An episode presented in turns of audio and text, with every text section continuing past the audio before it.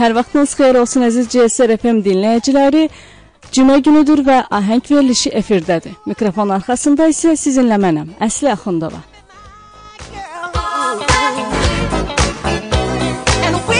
Share his ecstasy as long as we believe in love.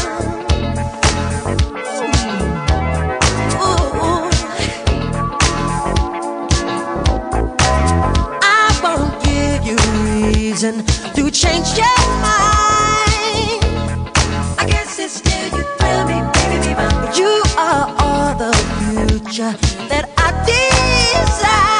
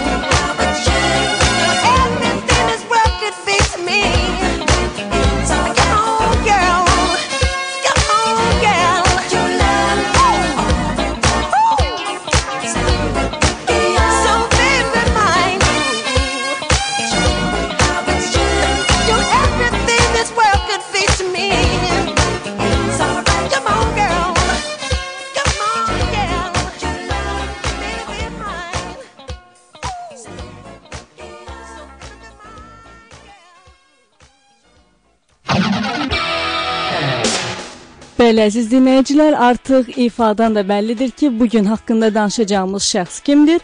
Ə, popun kralı olaraq tanınan afroamerikalı müğənni, musiqiçi, bəstəkar, söz yazışı və rəqqas Michael Jackson haqqında danışacağıq bu gün.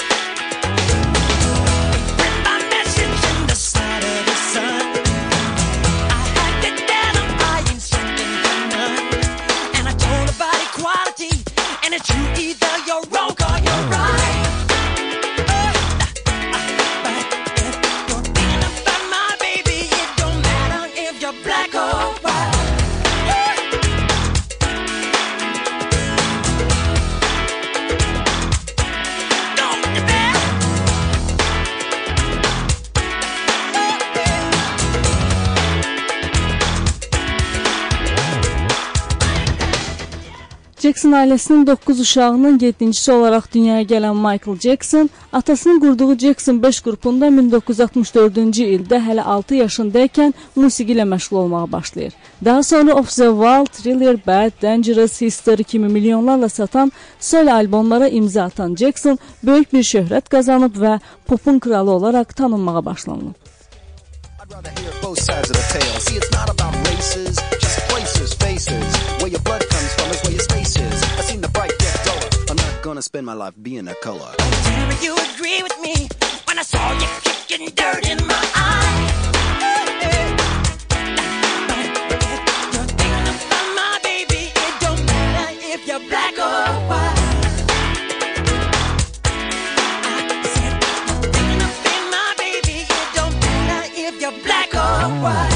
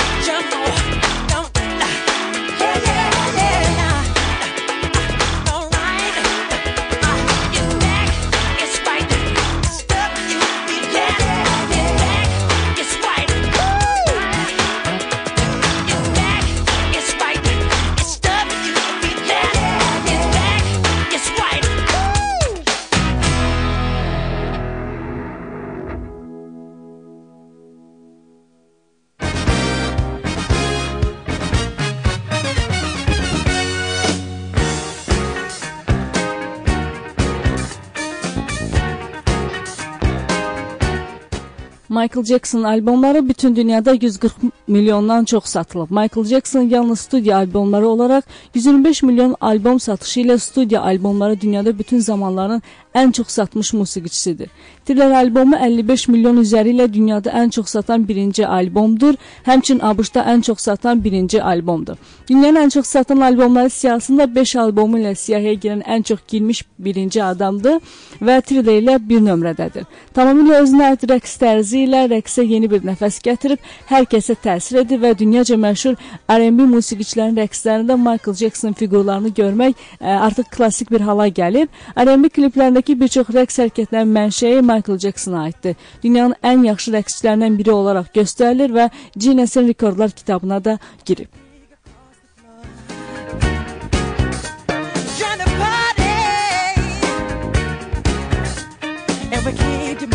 trying to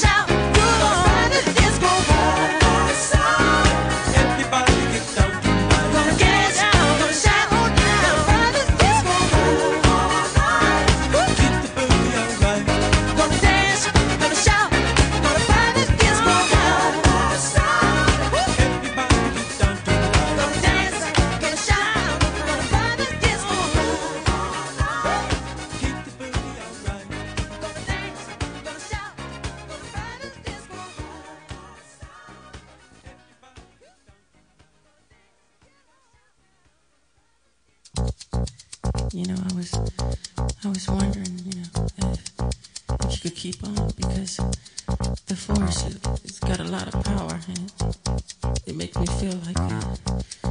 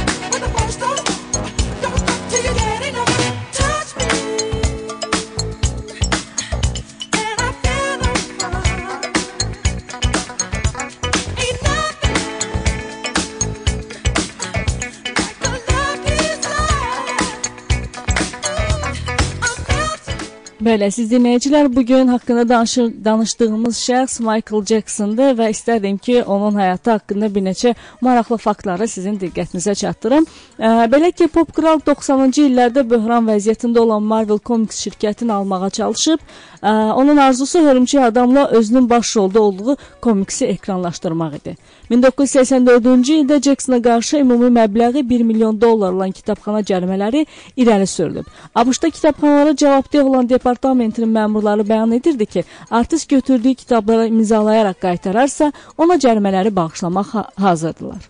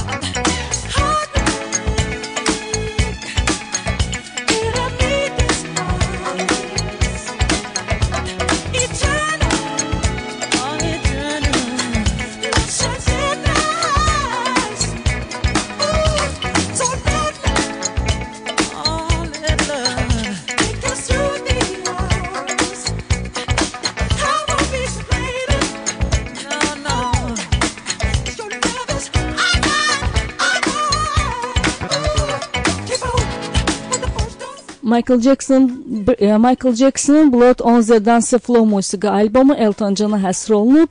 E, Jackson Gabon və e, fil dişi sahili ölkələrində kral tituluna sahibdir. O titulları yerli sülalələrdən 1992-ci ildə əldə edib.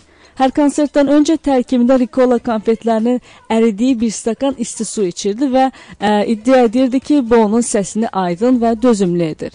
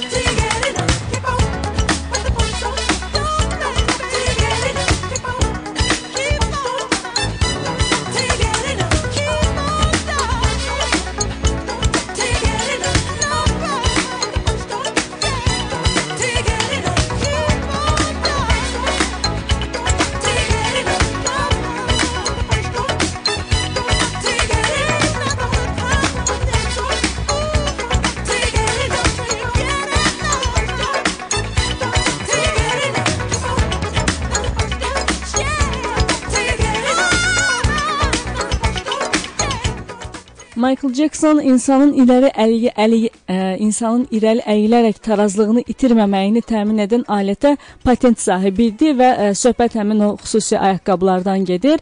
Ə, Simpsonlar cizgi serialında personajı səsləndirib Michael Jackson, ancaq bu fakt 12 il ərzində gizli saxlanılıb. Star Craving Dad epizodunda psixiatriya klinikasının xəstəsi olan John C. Smith ə, təxəllüslü bir qəhrəmanı səsləndirib. Səsin Jacksona məxsus olduğunu Simpsonların yaradıcısı Matt Groening 2013 2003-cü ildə təsdiqləyib.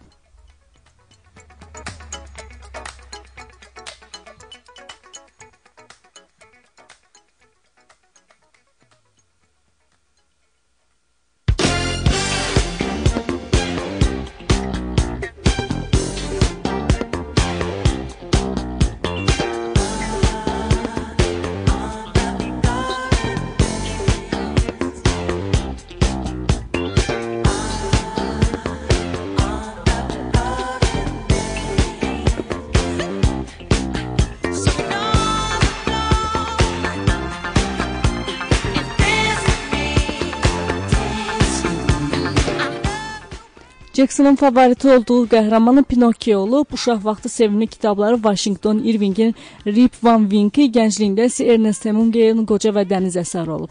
Səhnəyə ilk dəfə 5 yaşında çıxıb, The Beatles qrupunun müxtəlif müəllif kataloqunun bir hissəsinin hüquqlarına görə 1985-ci il ildə 47 milyon dollara dəyib. 10 il sonra isə bu kataloqu 95 milyon dollara satıb. Michael Jackson ikinci adı Joseph'dir. Meksika mətbəxinin pərəstişkarı olub Michael Jackson. dancing.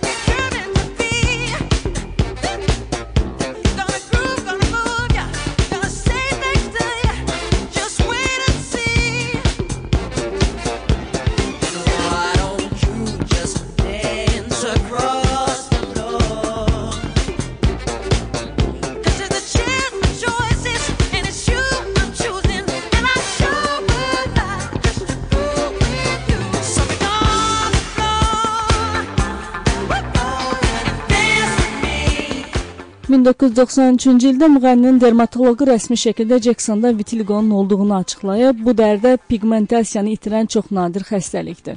Tirlə dünyada ən çox satılan albomdur. Plastinka 37 həftə ərzində Billboard chartında liderlik edib. Jacksonın 13 Grammy mükafatı laureatıdır. Ə, 1993-cü ildə Küləklə Sovranlar filminə təqdim edilən Oscar heykəlciyi üçün 1,5 milyon dollar ödəyib. Jacksonın yaşadığı Neverland 40 nəfər mühafizə əməkdaşının nəzarəti altında idi. –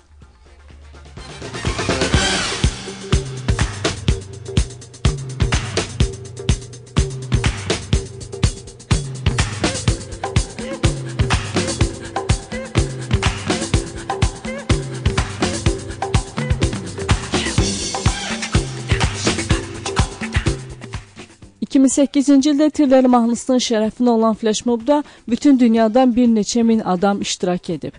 Pop musiqidə irqi ayrı seçkiliyi aradan qaldıran artistlərdən biri olub, Beat It mahnısı qara dərilərin musiqisini səsləndirməyən radio stansiyalara düşüb. Mahnıya çəkilən klipdə isə əsl küçə bandalarının üzvləri çəkiliblər.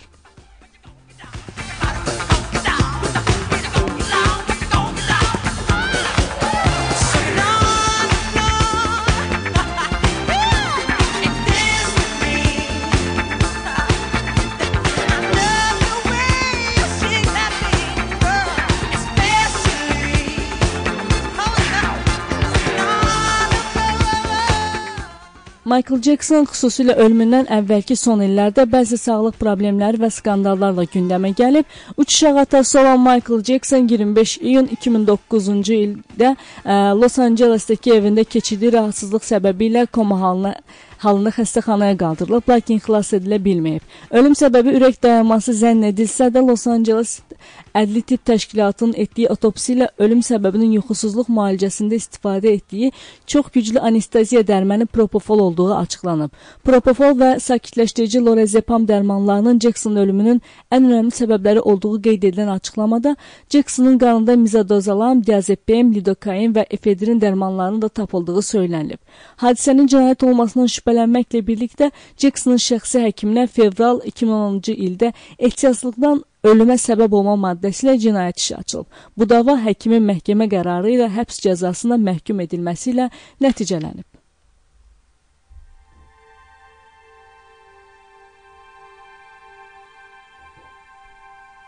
Each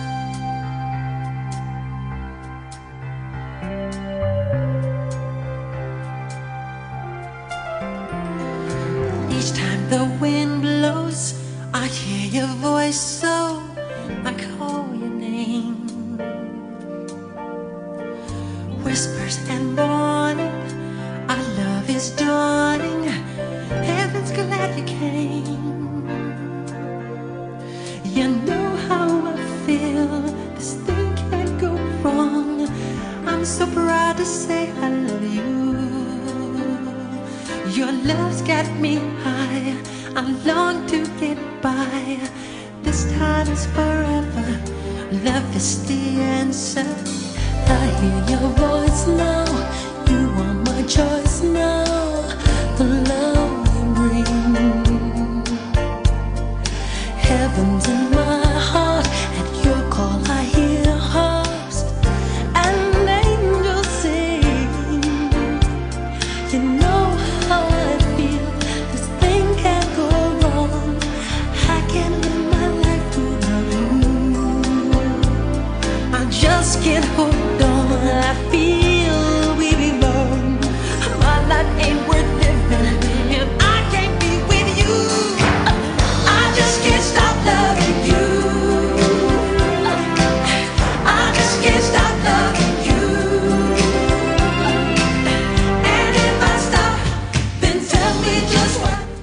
Bəli, əziz dinləyicilər, bu günlük bizə ayrılan efir vaxtının sonuna gəlib çatdıq. Bugünkü efirimizdə sizinlə popun kralı olaraq tanınan Michael Jackson'dan həyatı haqqında danışdıq və onun ifalarını səsləndirdik.